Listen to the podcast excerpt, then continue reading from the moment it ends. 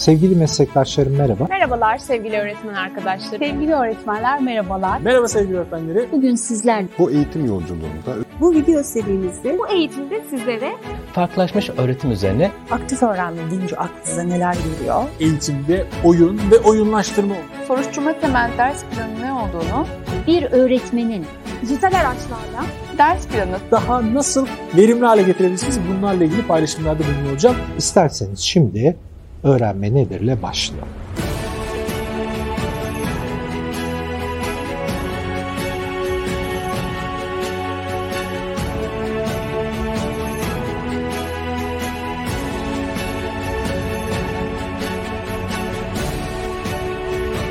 bu eğitimle bir değişimin tohumunu beraber atabileceğimize eminim. Keyifli, eğlenceli dersler diliyorum. Öğretmen gelişir, toplum değişir.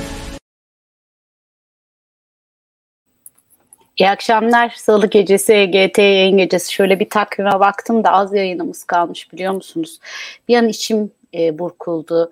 E, ne kadar zaman sizlerden ayrı kalacağız? Ne kadar zaman eğitim konuşmayacağız? Bu arada Türkiye'de siyasetin, kadının, çocuğun konuşulduğu ama hakkının verilmediği birçok yayını maruz kalacağız, yayın izleyeceğiz. Keşke her yer eğitim konuşuyor olsa.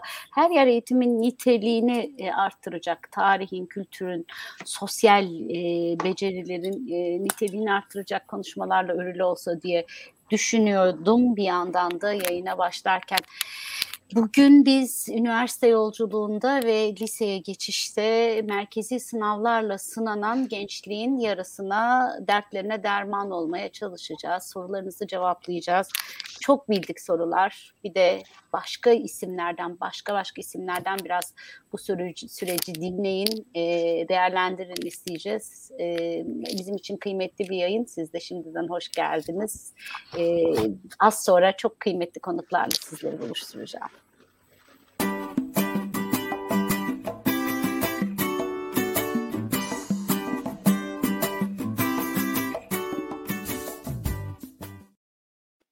Merkezi sınavlar hakikaten bir kanayan yara haline geliyor günden güne. Bazen bu çocuklar, bu sınavlara hazırlanan, bu sınavlara giren çocukları feryadını duyuyorum medyada. Çok çok içler acısı. Oysa ki sınavlarla okulların arası bu kadar açık olmasa, okulla hayatın arası bu kadar açık olmasa belki bu kadar sınavlara atfettiğimiz değer bu kadar büyük ve can yakıcı olmayacak. Çünkü aslında sınavlar değil sınavlara atfedilen e, değer, atfedilen durum bizi strese sokuyor, gençleri strese sokuyor.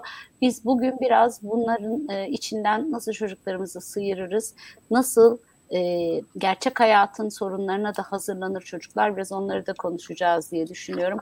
Psikolojik danışman Rabia Baytak ve psikolojik danışman e, Mert Yavuz bizle. Hoş geldiniz arkadaşlar. Hoş bulduk. E, alanın iki tane genç ismiyle e, buluşmak benim için çok e, keyif verici. E, çünkü bu alanda evet söyleyecek sözü çok olan o insan var, çok olan insan var. Fakat bazen gençlerin dilinden de en çok gençler anlıyor deyip öğrenciler üzerinden biraz başlayalım istiyorum. Sonra biraz aileleri de soracağım ama aslında ben biraz sisteme de ver yansın edeceğim aralarda. Siz bir şeyler anlatırken ah ah vah vah dediğimi duyarsanız sakın şaşırmayın. Çünkü gerçekten ben üzülüyorum. Bugün e, değişik gazetelerin ekleri, eğitim ekleri için haberler hazırladım. LGS ve YKS ile ilgili haberler hazırladım ve yazarken elimin titrediğini kendim tekrar fark ettim. O yüzden biraz ah ah vah vah yapmamı mazur görün. Sevgili Rabia Hocam, e, Bursa'dan e, bize bize eşlik ediyorsunuz. E, sevgili Mert Hocam da Zonguldak'tan e, selam eder. Zonguldak'ın bağrından nasıl doya? Kestane, kestane balının diyarı Zonguldak'tan. Herkese selamlar, Merhaba. Böyle, böyle bir girişi yapmasak olmazdı. Evet E, hocam. Zonguldak kelimesi geçince bunu genel olarak Evet, yapıyoruz. Bu arada bizi izleyenler iyi yayınlar demeye, görüntü nerede, görüntü yok demeye başlamış bile Necdet Başoğlu ve Alper Demir'i saygı ve sevgiyle selamlıyorum. Şule Hocam eksiksiz e, panelde yerini aldı. Gözümün nuru. Hoş geldi hocam. E, onunla beraber vah vah edeceğiz kesin. Şule Hocam'la vah vah ederken biz bulacağız. Neyse biz kendi aramızda ederiz. Bir grup yaşlı insan diyeyim. Ama şimdi gençlere söz bırakalım. E, Rabia Hocam yeni sınavlardan çıktınız siz de ya. Veydi yani hani çok yeni bu sınavlarda yoruldunuz. Bu sınavlarda bir kariyer fırsatı elde ettiniz. Üniversite fırsatı ettiniz. Oradan da bir iş imkanı elde ettiniz. Ve bir uzman olarak şimdi karşımızdasınız. Öğrencileri nasıl bir sınav bekliyor? Ne kadar kaldı? 20 kala dedik ama bu 20'yi nereden ölçüyoruz? Bir onu söyler misiniz? Ee, sınav tarihinden ölçüyoruz. Yaklaşık 20 günleri var artık. Ee, ve bu son düzlükte öğrencilerimizin stresi de biraz arttı açıkçası. Bugün bunlar üzerine konuşmayı planlıyoruz zaten. Peki. son düzlükte çocuklar ne yap neler yapabilir? 20 gün kaldı tamamen pes mi etmeliler yoksa hala yapabilecek şeyleri var mı? Bunlara birazcık değinmek istiyorum. Bunlarla ilgili konuşacağız. Hadi bakalım o zaman e, başlayalım. E, bu çocuk e, yani bizim ben çocukla siz çocuk deyince bir garip oluyor. Hadi ben çocuklar diyeyim de siz arkadaşlar deyin bari. E, bu arkadaşlarımız e, pek çok e, şeyden pek çok hayatın gerçeklerinden fedakarlık edip tam anlamıyla fedakarlık edip e, bir sınava bir sisteme hazırlanıyorlar. Okullarla sınavların e, hayatla okulların arası bu kadar açık olduğu için her zaman dediğim gibi bizim bu sistem üstümüze çöküyor, arkadaşlarımın üstüne çöküyor. Fakat e, bir kaygı da yaratıyor tabii. Çünkü belirsizlik bir kaygı yaratır. Üstelik de kaybetme korkusu da büyük bir kaygı yaratır. Bir sıralama sınavında kazananlar ve kaybedenler tabii ki olacaktır. Yerleşemeyenler, istediğini elde edemeyenler olacaktır ve bu da bir kaygı yaratacaktır. Hocam bununla nasıl baş ederiz Rabia Hocam? Ee, yani şöyle ki dediğiniz gibi bir sıralama sınavındayız ve çocuklar şu ana kadar ellerinden geleni yaptılar. Ee, dediğim gibi ben en önce şimdi neler yapabilirler bundan bahsedeceğim. Lütfen. olur mu? Tabii. Şu an dediğimiz gibi çok az bir zamanımız kaldı ve çalışmayı tamamen bırakan bir kesim var. Hala ucundan tutup bir şeyler yapmaya çalışan bir kesim var ve biz bu kesimi istiyoruz. Çok az kalsa da çocukların yapabileceği şeyler var. İlk öğrenmeler yavaş yavaş unutulmaya başladı. Dönem başındaki öğrendiklerini şu an hatırlama düzeyinde sıkıntı yaşıyorlar. Artık e, biraz daha bu öğrenmelerin tekrar edilmesi, bu öğrenmelere e, geri dönüşler yapılması gerekiyor. Bunu da açıkçası biraz daha seri denemelerle yapmalarını e, tavsiye ediyorum ben. E, gerekirse şu an her gün bir gün TYT, bir gün AYT. Son iki hafta kala sabah TYT olabilir, öğlen AYT olabilir. Hiç fark etmez. Bu şekilde deneme sıklığını arttırarak çocukların biraz daha hatırlamalarını sağlamak gerekiyor bence. Tabii ki denemeyi yaptık, bitti mi? Hayır. Bir yandan bu denemelerin analizini yapmak çok önemli. E, analizleri nasıl yapacaklar? Bunu artık e, kendi öğrencilerime de sürekli söylüyorum bir sınavı çözdüğümüzde, bir denemeden çıktığımızda özellikle yapamadığımız, boş bıraktığımız sorular bizim için çok kıymetli. Bazen çocuklar e, moral bozukluğu olabiliyor. Yine hata yaptım, yine kötü geçti diye üzülebiliyorlar. Ama aslında onların hepsi bir öğrenme şansı. E, yaptığımız soruların hepsi cebimizde. Onları öğrendik ve sınava zaten götürüyoruz. Ama hatalarımız bizim için bir ders niteliği taşıyor. Onları çözebilmek, onların analizini yapmak çok kıymetli. Her birimizin okullarında, dershanelerinde artık çok yaygın hocalarımız var. Ve bu hocalara soruları sormak, çoğu denemenin artık video çözümleri var. Gerekirse bu video çözümlerinden faydalanmak çok kıymetli. Artık o hatalardan ders çıkarma zamanı çünkü. Son 20 günde bu dersi çıkarmak, sonradan pişman olmamak çok önemli. Ee, çocukların aslında kaygı düzeyinin artmasının bir sebebi de bence bu. Ne yapacaklarını bilmiyorlar. Çok az kaldı. Geçmişte hataları var, ara kopuşlar yaşadılar, çalışmayı bıraktıkları zamanlar oldu. Bir yandan geleceği planlamaya çalışıyorlar. Tercih döneminde ne yapacağız? Kaç netle nereye gideriz? Sürekli bana bu sorular geliyor. Oturup sürekli bir net hesabı yapmamızı istiyorlar. Ama herkese, bütün öğrencilerime şunu soruyorum. Onun zamanı şu an değil. Tercih dönemi geldiğinde oturup gerekirse saatlerce bunu konuşacağız. Ama şimdiden geleceğin planını yapmaya çalışırsak anı kaçırırız. Çocuklar aslında bu ikisinin arasında sıkışıyorlar.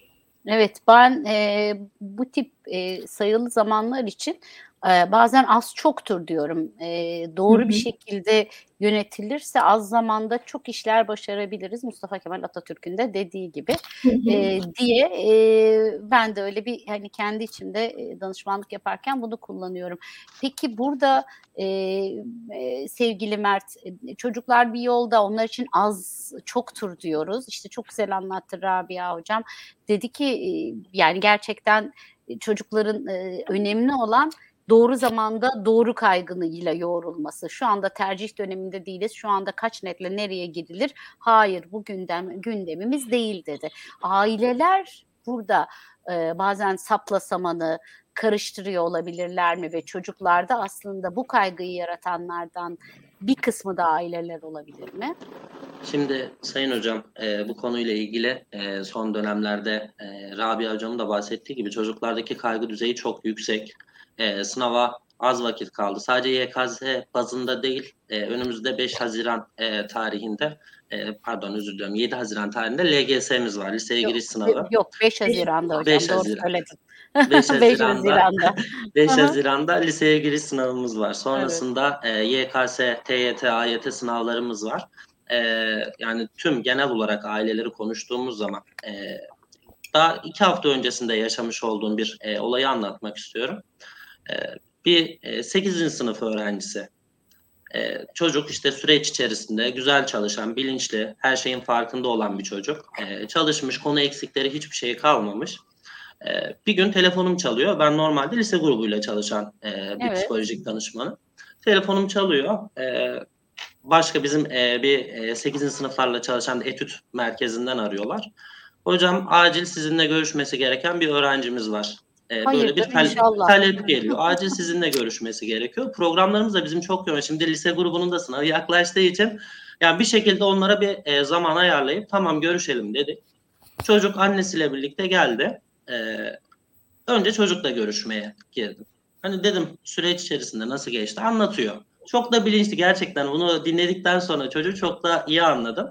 Hocam diyor benim süreç içerisinde 5 ya da 6 yanlışım çıkardı hep diyor. 5-6 yanlışım çıkardı. Geçen salı günü sizi aradıkları gün 10 yanlışım çıktı. 10 yanlış çıktıktan sonra hemen sizi aradılar. Çok büyük bir problem varmış gibi e, sizinle görüşmemi istediler. Ha, sizinle tanıştığım için çok mutlu oldum ama hani bunun için bu kadar kaygılanmaya gerek yoktu diyerekten bir şey söyledi bana. Aslında çocuklar da bunu bize veriyor. Sonrasında anneyi aldım görüşmeye. Dedim hani e, süreç içerisinde çocuğunuzun böyle farkında mısınız? Hani ne kadar yaptığının, ne yaptığının, çalışmalarını. Anlattı. Hocam dedi çok güzel çalıştı süreç içerisinde ama bu 10 yanlış çok fazla oldu. E, bunu nasıl yapar? E, çok yüksek bu yanlışlar olmaması gereken bir kere yapmış dedim. Daha öncesinde hiç böyle bir şey yapmamış ama yapmaması gerekiyordu hocam. Sonra konuştuk anneyle. Dedim ki hani siz aslında kendi yaşamış olduğunuz kaygıyı çocuğunuza yansıtıyorsunuz. Yapamayacaksın. Bak yanlışın arttı, yanlışların e, fazla çıkıyor.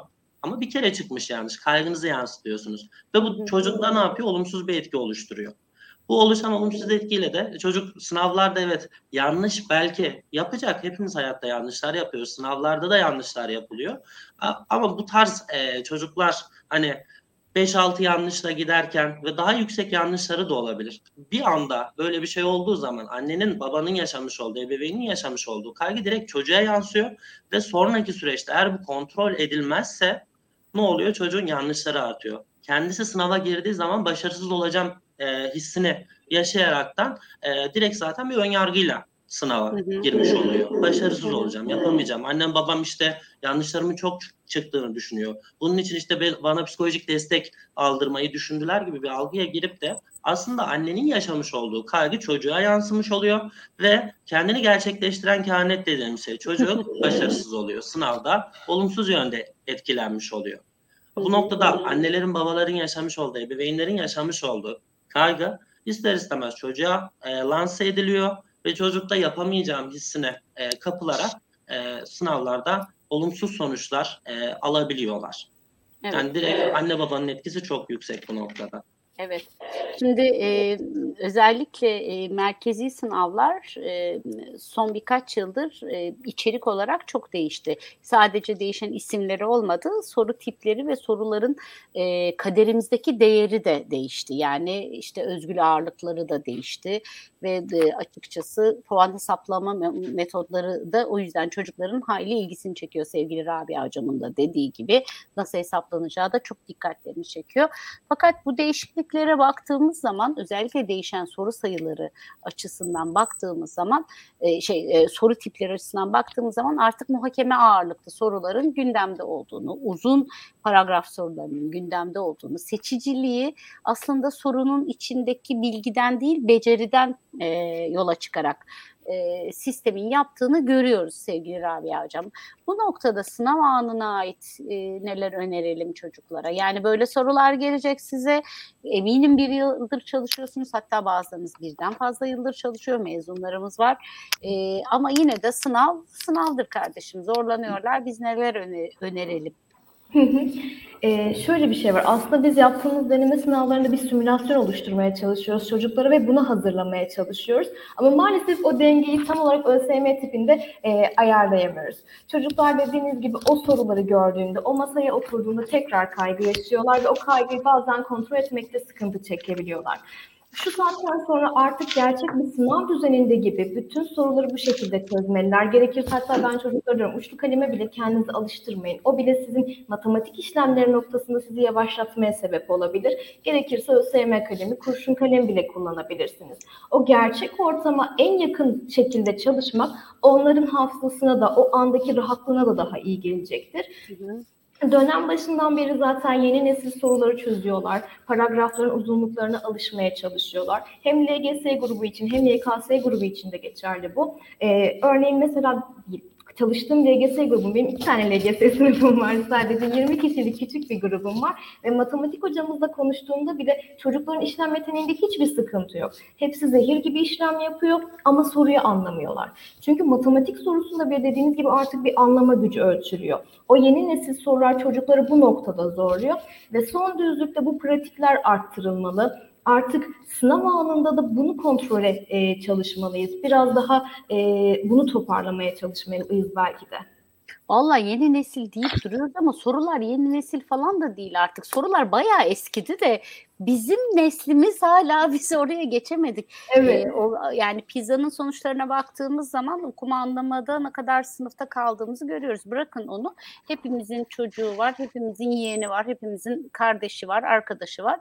Ee, gerçekten anlamadıklarını bilmiyorum siz farkında mısınız ama konuşurken e, Türkçe'ye hiç haiz olmadıklarını e, ve bir birçok kelimeyi anlamadıklarını, birçok kavramı, mecazı anlamadıklarını e, ben e, çok yakından e, takip ediyorum. Anlamadansa hiçbir şeyin yapılmayacağını biliyorum. Benim e, kızımın da başına geldi. Soruyu yani somuttan soyuta geçememiş e, çocuklar. E, daha birçok yaş grubu özellikle LGS için söylüyorum. Somuttan soyuta geçememiş. Soruyu okuyunca sorunun maksadını anlamıyorlar. Bu tamamen bir hazır bulmuşlukla ilgili. Ama burada yine veli kısmına dönersem sevgili Mert Hocam. E, Necdet Başoğlu demiş ki her veli çocuğunun doktor, uzay mühendisi, bilişim mühendisi olmasını istiyor. Aa, çocuğuna fikrini soran yok ya da ben şöyle düzelteyim fikrini sorsalar bile belki de bir e, şey yapıyorlar. Sondajlama yapıp yani kendi duymak istediklerini duyacak şekilde soruyorlar. E, velilerin psikolojik destek alması gerekiyor demiş Necdet Hocam. Katılıyor musunuz buna? Hocam şimdi sesim geliyor değil mi? Çok iyi. Evet. Şimdi e, Necdet Hocam'ın söylediklerine kesinlikle katılıyorum. Hepimizin kullandığı şu süreç içerisinde herkesin yani ülke çapında, dünya çapında da kullanılan bir kavram var. Z kuşağı çocukları. Evet. Bence bu Z kuşağı çocukları değil bizim şu anda ilgilenmemiz gereken Z kuşağı çocuklarından çok. Evet teknolojik gelişmelerden kaynaklı biz bunu söylüyoruz. İşte 21. yüzyılın etkilerinden bunu söylüyoruz. Ama Z kuşağı çocuğun, çocuğundan çok Z kuşağı ebeveynini konuşmamız gerekiyor.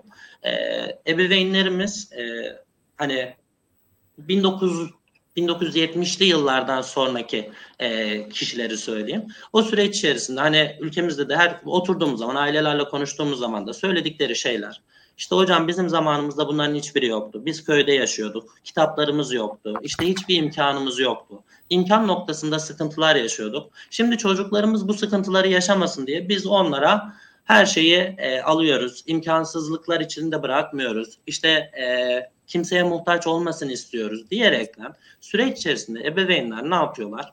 Çocuklarını e, her istediğini alarak bir süre sonra doyumsuzluk seviyesine getiriyorlar. Şimdi e, sınav konuşuyoruz, e, sınavlar yaklaşıyor, buna yönelik konuşuyoruz ama bundan önemlisi çocuklar bu sınavlara başlangıcına döndüğümüz zaman, sınava hazırlık noktasına geldiğimiz zaman hedef belirlemekte çok sıkıntı yaşıyorlar. Amaç belirlemekte sıkıntı yaşıyorlar. Sürecin sonuna geldiği zaman diyoruz ki işte anne babalar şöyle yapın, böyle yapın, böyle yaparsanız daha iyi olur diyoruz ama aslında anne babalarla çalışmak süreç içerisinde sınav çocuğundan çok anne babalarla çalışmak ve bir sürece yaymak gerekiyor bunu. Biz hep e, her şeyin en sonunda yapmayı düşündüğümüz için 9'da çocuk çalışmamış, 10. sınıfta çalışmamış, 11'de çalışmamış, 12. sınıfa geliyor. Hurra bütün akrabalar, ebeveynler, anne babalar herkes o çocuk sınava girecek. Ne yapıyoruz? Mühendis bekliyorlar orada. Mühendis bekliyorlar sonucunda. Doktor olsun, şöyle olsun, böyle olsun. Bu Oysa şekilde ki düzen, düzenli çalışmayı bilmeyen bir mühendis okuldan mezun olsa da mühendis olamaz zaten. Hani bu çok. Kesinlikle öyle. Hani evet bitirir mühendis bir şekilde olur. Zaten şu anda üniversite kazanmak e, zor değil. Hani bunu da konuşacak olsak siz dediniz eğitimin kanayan yarası sistem dediniz ama e, burada baktığınız zaman hani şu iki tane soru işaretleyen bile şu anda üniversiteye gidebilir. Belki baktığınız zaman mühendislik kazanamaz. Biraz çalışsın mühendislik 20 netle mühendisliğe giden e, olabilir yani. AYT'de örnek veriyorum. TYT'de biraz yüksek yapar. Allah bizi 20 affetsin olacak hakikaten. İşte bunlar e, olabiliyor. Hani üniversite kazanmak bir şey değil. Bundan öncesinde anne babaların, çocukların hani dediniz ya tıp, mühendislik gibi alanlara yönelmelerini istiyorlar. Bütün hepsi e, bu alanda olsun. Masa başı iş olsun, işte devlete atansın. Anne babalarda böyle bir algı var şu anda. Bütün Evet. hepsinin beklentisi böyle. E, mesela geçen yıl ben bunda Twitter'la ilgili Twitter'da bir e, söz yazmıştım. Çocuğunuz çok iyi bilgisayar e, kullanıyor. Siz e, işte onun yapamadıklarına ya da yapmadıklarına bakarak diyorsunuz ki bu çocuktan hiçbir şey olmaz. Hiçbir şey olmaz demek yerine o bilgisayarda iyi olduğunu görerek, bu noktada destekleyerek belki ileride iyi bir yazılım mühendisinin sizin evinizden çıkacağının garantisini verebilirsiniz. Biz ne yapıyoruz? Çocuklarımızı tanımadan, çocuklarımızın işte özelliklerini bilmeden diyoruz ki doktor ol. Diyoruz işte mühendis ol. Yani bunlar e, revaçta olan. Bir öğrenci eşit ağırlığı seçiyorsa hukukçu olacak. En yüksekte o var. Anne babanın beklentisi de bu yönde oluyor. Sayısalı seçiyorsa çocuk 10 bin sıralama yapıyor. E, bu çocuk yazılım mühendisi olmak istiyor. İlgisi, yetenekleri tamamen orada, o alanda. Ama ne yapıyoruz? Anne babalar diyor ki oğlum bak yazılım mühendisi olacaksın da ilerleyen süreçte iş bulmakta zorluk çekebilirsin. Ne yapacaksın? Doktorluk, tıp oku. Bunu eğitim camiasında yapan arkadaşlarımız da var. Ben tercih dönemlerinde de e, süreç içerisinde çok fazla öğrenci gördüm. Belki 3000-5000 öğrencinin tercihini yapmışımdır. E, yıllardır tercih yapıyoruz. Orada da ülkemizdeki aile fotoğrafını çok net bir şekilde görebiliyoruz. Çocuk aslında başka bir alanda ilerlemek istiyor. Anne baba diyor ki bak burada iş garantisi Biz var. istiyoruz değil mi? Biz Tıp tıp, istiyoruz istiyoruz. hocam. Biz ama Tıp yani biz istiyoruz. yani hani öyle bir camia. O bir, bir sokak var orada. Öyle biz hani hep beraber hep beraber bu sokağın insanları çocuğumuz için tıp istiyoruz. Peki sevgili Rabia hocam bir çocuğun alan seçmesi için artık üniversite sınavına çeyrek kala bu dönem biraz geç değil mi ya? Yani hani ne yapmak lazım? Nasıl Bu davranış? Gerçekten çok e, geç bir zaman dilimi. Şöyle ki sayısalda ilerleyen öğrenciler var ve mesela son 4 ay kala ya da 3 ay kala sayısaldan eşit ağırlığa geçen öğrenciler bile var.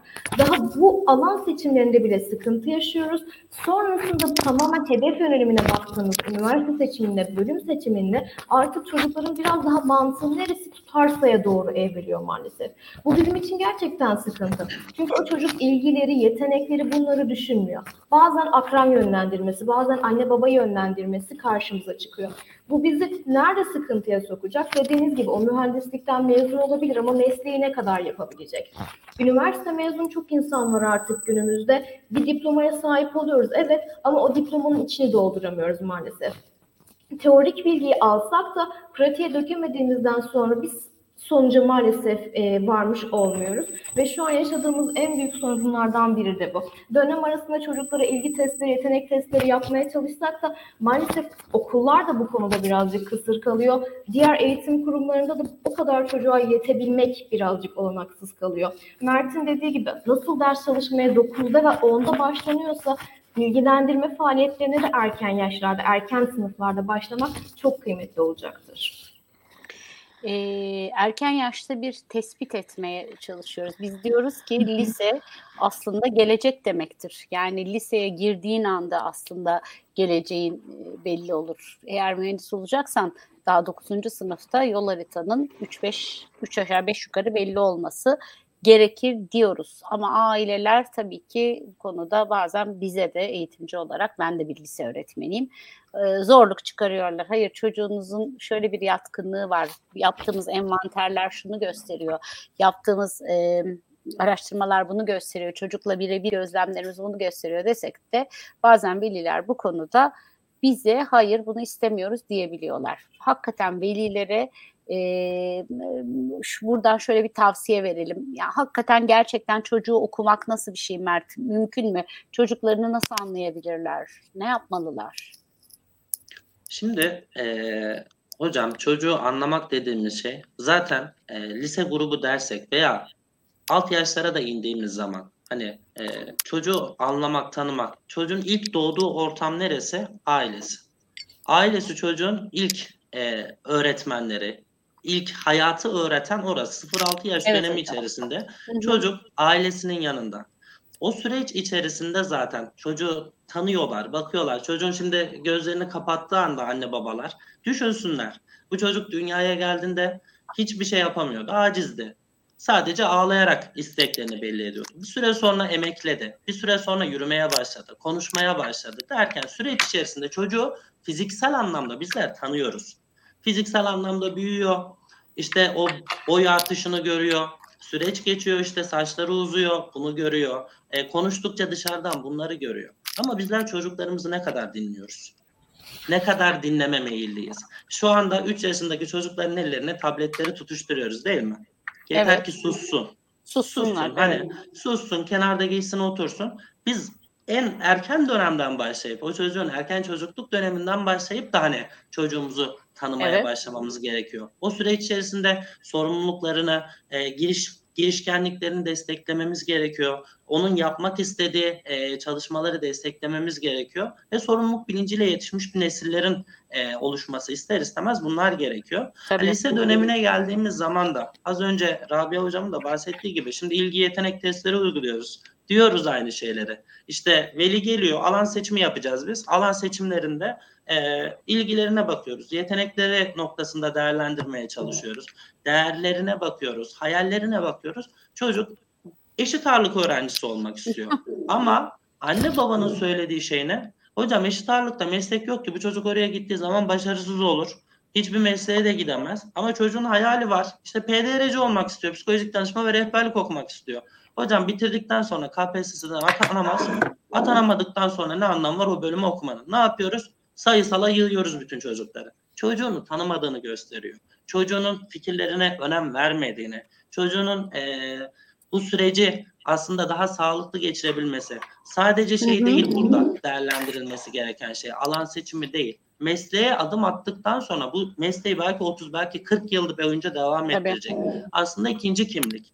Onun hayatını belirleyici olma noktasında. Burada anne babaların söylediği şey ne oluyor? Geleceği garanti olsun, maaşı olsun. Mutluluğu çok önemli değil hocam. Para olursa mutluluk olur diyor. Ne kadar tanıyoruz çocuklarımızı? Ne kadar dinliyoruz? Ne kadar anlıyoruz? Ergen gruplarda şu anda zaten en büyük şeyimiz ne?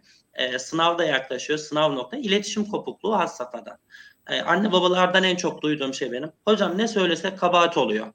Hani bırakırsın seni önemli değil mezuna kalırsın mezundan devam edersin diyoruz. Olmaz diyor işte ben kazanacağım diyor. Tam tersini diyoruz otur çalış diyoruz bu sefer yine yanlış anlıyor. Ya o süreç içerisinde zaten sınav stresi var. Ee, çocuğu tanıma noktasında eksiklerden kaynaklı. O çocuğu tanısa hani bu ergenlik döneminin içerisinde olduğunu bilse ve ona e, destekleyici bir dille konuşsa Sınavda zaten e, bu süreçlerde de sınavda da bir sıkıntı yaşanmayacak. O çocuk kendisi bir şekilde devam edecek. Tanımaya yönelik de çocuklarla oturup konuşmak, onları dinlemek, e, fikirlerine önem vermek, fikrini sormak e, bunlar önemli diye düşünüyorum ben. Ee, ben e, veli olma yolculuğu diye bir yolculuğun olduğunu düşünüyorum sevgili hocalarım. Çünkü e, çocuğumuz doğduğu an, anda bizler anne ve baba oluyoruz. İnşallah siz de olursunuz tez zamanda. Güzel güzel çocuklarınız olur. E, doğduğu anda anneliği hatta karnımıza ilk düştüğü anda anneliği hissetmeye başlıyoruz. Sonra anne hissediyoruz, oluyoruz. Sonra e, eşimizle ya da baba oluyoruz. Sonra eşimizle çocuğumuzla ilgili ortak kararlar vermeye başlıyoruz. İşte tam bu noktada artık ebeveyn olmaya başlıyoruz. Bize birbirimize ebeveyniz diyoruz. Ben ebeveyn olarak diye cümleler kuruyoruz. Fakat bir okula kaydını yaptırıp çocuklarımızın o kayıt görüşmelerinden sonra o çocukla o okulun e, bir o okul ailesinin bir üyesi olma kısmında yani veli olma kısmında çok çırak bence e, birçok kişi. Yani diğerleri aileden hislerle biraz kültür, toplum bunlarla öğreniliyor. Ebeveyn olmak da mutlu bir ailenin çocuğu ise çocuğumuz çok şanslı. Tabii orada ebeveyn olmak da güzel bir dans gibi, güzel bir senkron. E, fakat e, veli olma kısmı tam bir gol. Ben bu yüzden veli apoleti diye bir içerik oluşturdum. Ee, yani hep şey dedim anne baba eğitimlerine çok gittim Allah affetsin hani onları verdik ama onları alan anne baba eğitimlerini alan herkes geldi sizin karşınıza biz bu işi biliyoruz diye oturdular bu sefer. E, çünkü biz anne baba eğitimini aldık dediler ben biliyorum artık bu işi dediler ama kaçırdıkları bir şey anne baba o eğitimi almak çok güzel ama veli olmak bambaşka bir şey. Şimdi sevgili Rabia hocam öğrenciler e, biliyorum ki okulda annelerini ve babalarını ya da ebeveynlerini istemiyorlar. Diyorlar ki bir işbirliği içinde olalım, bana veli lazım diyorlar. Ee, ve bu konuda da sanıyorum sizin kapınızı çok çalıyorlar. Anne baba şikayetleriyle doluyor taşıyor bazen odalarınız. Ee, siz çocuklara bu sınav sürecinde ailelerden kendilerini korumaları ya da sistemden kendilerini korumaları için neler öneriyorsunuz? Şöyle bir şey var. Artık çocuklar iki koldan o kadar çok yoruluyor ki hem bir yandan bu eğitim sisteminin getirileri, sınav sisteminin getirileri bir de canımız annelerimiz, babalarımız. Annelerin babaların kötü niyetli olmadıklarını, tamamen çocukların iyiliklerini düşündüğünü tabii ki de biliyoruz. Ama bazen iyiliğini istediğimiz insanlara böyle istemeden kötülük yaparız ya aslında öyle bir dayatmaya maruz kalıyor çocuklar. Kendi yaşadıkları, yaşayamadıklarını yaşatmaya çalışıyorlar. O yolu kendileri çizip çocuk da ona eşlik etsin istiyorlar. Ve ister istemez de çocuk buna karşı çıkıyor. Bu sefer de asi olmakla, baş kaldırmakla suçlanıyor aslında. Halbuki Mert Hocam'ın dediği gibi sadece ergenlik döneminde olduğunu veli biraz da bilinçli olsa bu noktada bazen aile içi çatışmaların kendi kimliğini kazanmasının ne kadar önemli olduğunu fark etse tam tersi desteklemede bulunacak şöyle bir gerçek var. Kimlik kazanmaya karşı rol karmaşası. O çocuk o kimliği kazanmak için bazen o çatışmaları yaşamak zorunda. Bazen karşı gelmek zorunda ve sonrasında o kimliği ancak kazanabilir. E, bu noktada ben velilerimle çok fazla çatışabiliyorum açıkçası ufak ufak ister istemez. Çünkü çocukların da desteğe ihtiyacı var. Hatta bazen o kadar noktaya erişiyoruz ki veliler arıyor bir yandan. Bir yandan aynı öğrenciyle konuşuyorum. İkisinin arasında köprü olamıyoruz. Bu sefer diyorum ki lütfen siz onu birazcık rahat bırakın. İletişimi ben sağlayayım. Çünkü bizim söylediğimiz bir şey çocuğu o kadar rahatsız etmeyebiliyor. Ama veli söylediğinde o çatışmalar artabiliyor. Ee, bunun sebebi birazcık ergenlik kaynaklı, birazcık bizim öğretmen olarak belki de nazımızın geçmesiyle ilgili bir şey olabilir. Ee, çatışmayı birazcık aza indirmek için bunu kullanıyorum açıkçası. Ben eğer çok çıkmazdaysam. Hı hı beraber veli görüşmesi yapabiliyoruz. Çocuklarla o iletişimi sağlamak çok önemli. Ee, aslında birbirlerini anlayamadıklarını görüyorum. İkisi de aynı şeye ulaşabiliyor, e, aynı şeyden bahsediyor ama birbirlerini o kadar kapatıyorlar ki kendilerini. Bunu fark edemiyorlar. Bunu fark ettirmek için çaba harcayabiliyoruz zaman zaman.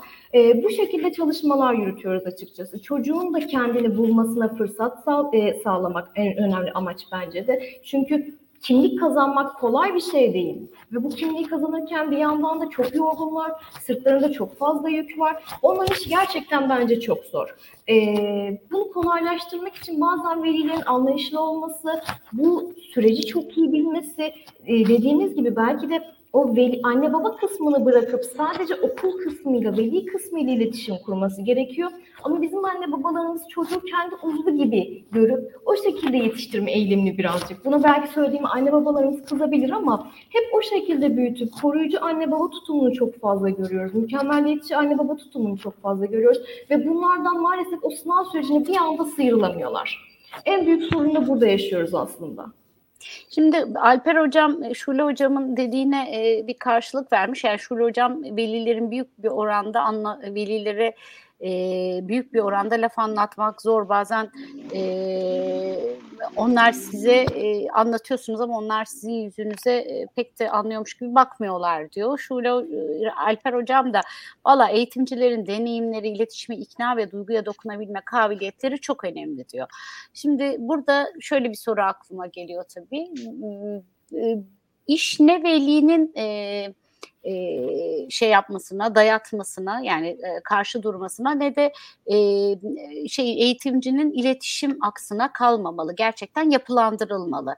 Bir iletişim konusu, iletişim yani işbirliği konusu bir gündem haline gelmeli. E, Türk PDR Derneği'nin bu konuda yaptığı çalışmalar olduğunu çok iyi biliyorum. E, ve bu alanda e, işbirliği yani okullardaki işbirliği çatı, çıtasını hepimizin el birliğiyle yükseltmesi gerekiyor. Dediğim gibi sizin artık yani bu çocuğun bu okulda bir anne babaya ya da bir ebeveyne ihtiyacı yok. Evinizde anne baba olabilirsiniz ya da ailevi kararlar verirken ebeveyn davranışları sergileyebilirsiniz. Ama okulda bir veliye ihtiyaç var demeli e, bence e, yani hem Şule hocama hem de Alper hocamın ortasında bir şey söylüyorum. Bu iş öğretmenin kabiliyetine, iletişimine, ekstra bir becerisine değil, gerçekten sisteme, sistematik yapılandırılmış bir yaklaşıma emanet edilmeli diye düşünüyorum. Kendi çalıştığım, danışmanlık yaptığım okullarda da mümkün olduğu kadar okulla işbirliği içinde bir veli sistem, iletişim sistemi yaratmaya çalışıyorum. Peki Mert hocam, bu bunu yaparken e, yani ben, katılıyor musunuz bir bu benim söylediklerime bir ikincisi bunu yaparken çok ciddi bir birikim ve dünyadaki yapılmış araştırmaları falan iyi takip etmek gerekiyor diye düşünüyorum. E, okullar bu konuda sizce böyle bir donanım ihtiyacında mı böyle bir donanıma e, ihtiyaç duyuyorlar mı? Çok yani biraz önce de yayından önce de konuştuk önemli okullarda çalıştınız ve çalışmaya da devam edeceksiniz. çok nitelikli okullarda iş yapıyorsunuz. Bu okullarda böyle bir çalışma biçimi var mı? Olması için neler yapabiliriz? Hocam öncelikle söylediklerinize katılıyorum. Şimdi göz önünde bulundurmamız gereken kısımlarda ya, çocuğun bulunduğu kademe çok önemli. Şimdi hı hı. ilkokul işte anaokulu, ilkokul, e, ortaokul, lise grupları var. Veli ile e, öğretmenlerin iletişim halinde olduğu kısımlar burası. Yüksek öğretim evet. zaten üniversiteye geçtikten sonra e, iletişim kesiliyor. Öğretmenle, akademisyenlerle veliler iletişime geçemiyorlar. Tamamen bağımsızlığını destekleyici bir şekilde bırakıyorlar. Öğrenci kendisi işlerini devam ettirebiliyor. Şimdi e, yaş gruplarına göre anaokulunda ben bütün gruplarda e, çalışma imkanı buldum. Bütün e, veli türlerini gördüm. E, şimdi anaokulundayken o çocuklarla e, çalışırken doğal olarak ne yapacaksınız? Veliyle daha çok iletişim halinde olmanız gerekiyor. İşte ilkokulda, ortaokulda, ortaokul itibariyle veliyle iletişim yavaş yavaş azalıp biraz daha lise grubuna geçtikten sonra 9-10'da da yine veliyle devam ediyoruz. 11-12'ye geçtiğimiz zaman artık e, Rabia hocamın da az önce söylediği gibi kimlik e, oluşturma sürecinde, o bağımsızlığını oluşturma sürecinde biraz daha çocuğa, öğrenciye güvenip de onun bazı şeyleri halletmesini istememiz, onu e, beklememiz gerekiyor. Ama bizim sistemimizde ne yapıyoruz? Yine e, sistemle ilgili, yine iletişimle ilgili, veli iletişimiyle ilgili problemler yaşıyoruz. Ben mesela bunu dile getiririm, söylerim de. Ben sabah e, 8.30'la 4 arasında öğrencimin ders saatleri esnasında ne olmam gerekiyor? Öğrencimle ilgilenmem gerekiyor. Pat veli gelip de böyle e, hocam sizinle görüşmem O veli gerekiyor. değil işte. O veli değil sevgili Orada- Mert. O veli orada değil. bir- O veli olsa bilir. Hani nasıl e, iletişim kuracağını, nasıl e, sizle e, randevu alacağını ya da sorunları nasıl hangi protokol çerçevesinde size devredeceğini bilir. O şey değil ya o veli değil. O bir anne baba yani hani münferit bir anne ve baba. İşte yoldan geçerken uğradım hocam diyor. Sonrasında baba evet. ben görüşme yapacağım öğrenciyle görüşemediğim zaman da diğer veli arıyor. Hocam benim çocukla görüşmemişsiniz. E, diyemiyorsun ki yoldan geçerken veli uğramış da hani uğramışken onunla konuştum o benim vaktimi aldı da diyemiyorsun. İletişim sisteminin çok iyi kurulması gerekiyor hocam. Evet. Ha, bu noktada da e, velileri evet e, yine kademelere göre diyorum bulundukları dönemlere göre çocuklar e, yine okul saatleri içerisinde çok fazla velilerim ben okul e, içerisinde eğer ki öğretmen davet etmemişse, eğer ki idare davet etmemişse, psikolojik danışman davet etmemişse çok fazla o saatler içerisinde eğitim öğretim faaliyeti devam ettiği süre içerisinde okulda olmaları e, taraftarı değilim. Ha telefonla öğretmen arar, derdini anlatır, şey yapar veya okula davet eder gelir. O ayrı. Ama veli görüşme saatlerinin ayrı olup da yine çocuğun e, durumunun değerlendirildiği bir sistem olması gerektiğini e, size Aynen. katılarak söylüyorum. Diğer türlü olduğu zaman eğitim ve öğretim faaliyetleri de aksıyor. Evet. Biz bugün biraz e, bu e, sınavlar gerçeği üzerinden öğrencileri ve velileri konuşmaya çalıştık. Psikolojik danışman e, sevgili Rabia Baytak ve psikolojik danışman sevgili Mert Yavuz bizdeydi. Hem biraz e, açıkçası öğrencilerin durumunu e, hem de biraz da annelerin, babaların veli olma yolculuğuna dem vurduk. Çok teşekkür ediyorum sevgili Rabia Hocam. Ben teşekkür ederim. Ee, Umarım sizin için de verimli olmuştur. Çok teşekkür Çok ediyorum teşekkür Mert Hocam. Hocam biz teşekkür ediyoruz yayınınıza davet ettiğiniz için, bugün bizi burada ağırladığınız için. E, çok keyifli bir yayın oldu. Umarım başka yayınlarda da, başka platformlarda da e, buluşmak ve eğitimi, aileleri, çocukları konuşmak e, güzel olacaktır diye düşünüyorum. E, izleyicilerimize de teşekkür ediyoruz sabırla izledikleri için, dinledikleri için. Rabia Hocam ben de senin öğrencilerine selam ediyorum. Ee, yani Allah kolaylık versin onlara. Ee, ama en azından senin gibi onları böyle anlayan bir e, öğretmenleri, genç bir öğretmenleri var karşılarında. Yaşımız yakın olduğu için avantajlılar birazcık. Aynen. Onlara çocuk falan demeyin ya yol arkadaş değil tamam mı? Güzel. Tamam. Olsa olsa ben derim bunu. Efendim biz bu yayınları e, GT Yayın değerli ekibiyle e, onların bir elçisi olarak ekranda ben bulunuyorum. E, namı değer e, Ece Karaboncuk olup hani patron kıya, kı- şeyinde kisesinde yer alsam da aslında öyle bir şey yok. E, onların e, emeklerinin üzerinde karşıları e, karşılıklı olarak e, kurdukları ilişkilerin üzerinden ekrana çıkıp prim yapıyorum. Onlar kim derseniz bugünün küratörü e, sevgili Merve oldu. Merve hem Zonguldak'tan hem de Bursa'dan iki değerli öğretmenimi bizlerle buluşturdu. Merve Aydın'ın yanında tabii ki Yağmur Gür bir kadın dayanışması gösterdi. Söz eğitimciler de fikri Yağmur'un e, güzel e, küratörlüğünde defalarca yapıldı. İşte bu da onlardan bir tanesiydi. E, ekibimize çok yeni katılan artık onu da salı geceleri inşallah ekranlarda göreceğimizi düşündüm. Zeynep Ergenç yine e, bu ekibin bir parçası olarak imza attığı yayına. Bunun dışında e, Tarık Emir Ergün e, kendini dansa verdiği için bu aralarda sahnelerde bugünlerde maalesef bizle olamıyor. Bir üzüldük, bir üzüldük, bir üzüldük, bir üzüldük. Anlatamam içim kan ağlıyor gördüğünüz gibi. E, ve ayağını kaydırdığım bugün ekranda hiç görmediğiniz acaba bir daha görüp görecek misiniz diye düşündüm. Sevgili Kerim Karaköse var. E, yayının teknik sorumlusu ve bilişim öğretmeni. Tarık Emir'e dansta başarılar diliyoruz kesinlikle. Kerim'e de böyle arkada çalışma e, günlerinin e, çok da iyi olduğunu, arkada başarılar diliyoruz efendim ona da. E, sürçülisan ettiysek affola sınav konuşmak kolay değil. Biz biraz gülmeye ve gülümsemeye çalışıyoruz. Güldükçe daha da kolaylaşsın işler istiyoruz. Dediğim gibi acım burnumda vallahi şöyle bir baktım çok az yayın kalmış ama biz hala sizin hangi içeriklere ihtiyacınız olduğunu sormaya devam edeceğiz. Efendim siz de bize katkı sağlamak isterseniz sosyal medyadan her zaman ulaşabilirsiniz. Görüşünceye kadar hepinize iyi akşamlar diliyorum. Hoşçakalın.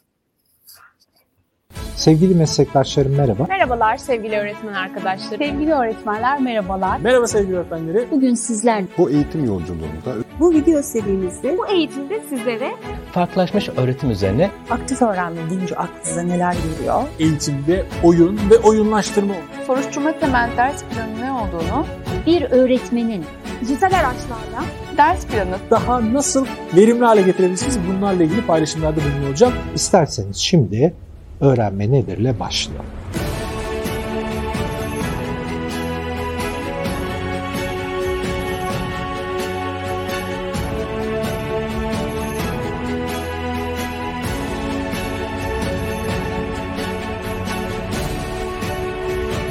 Bu eğitimle bir değişimin tohumunu beraber atabileceğimize eminim. Keyifli, eğlenceli dersler diliyorum. öğretmen gelişir, toplum değişir.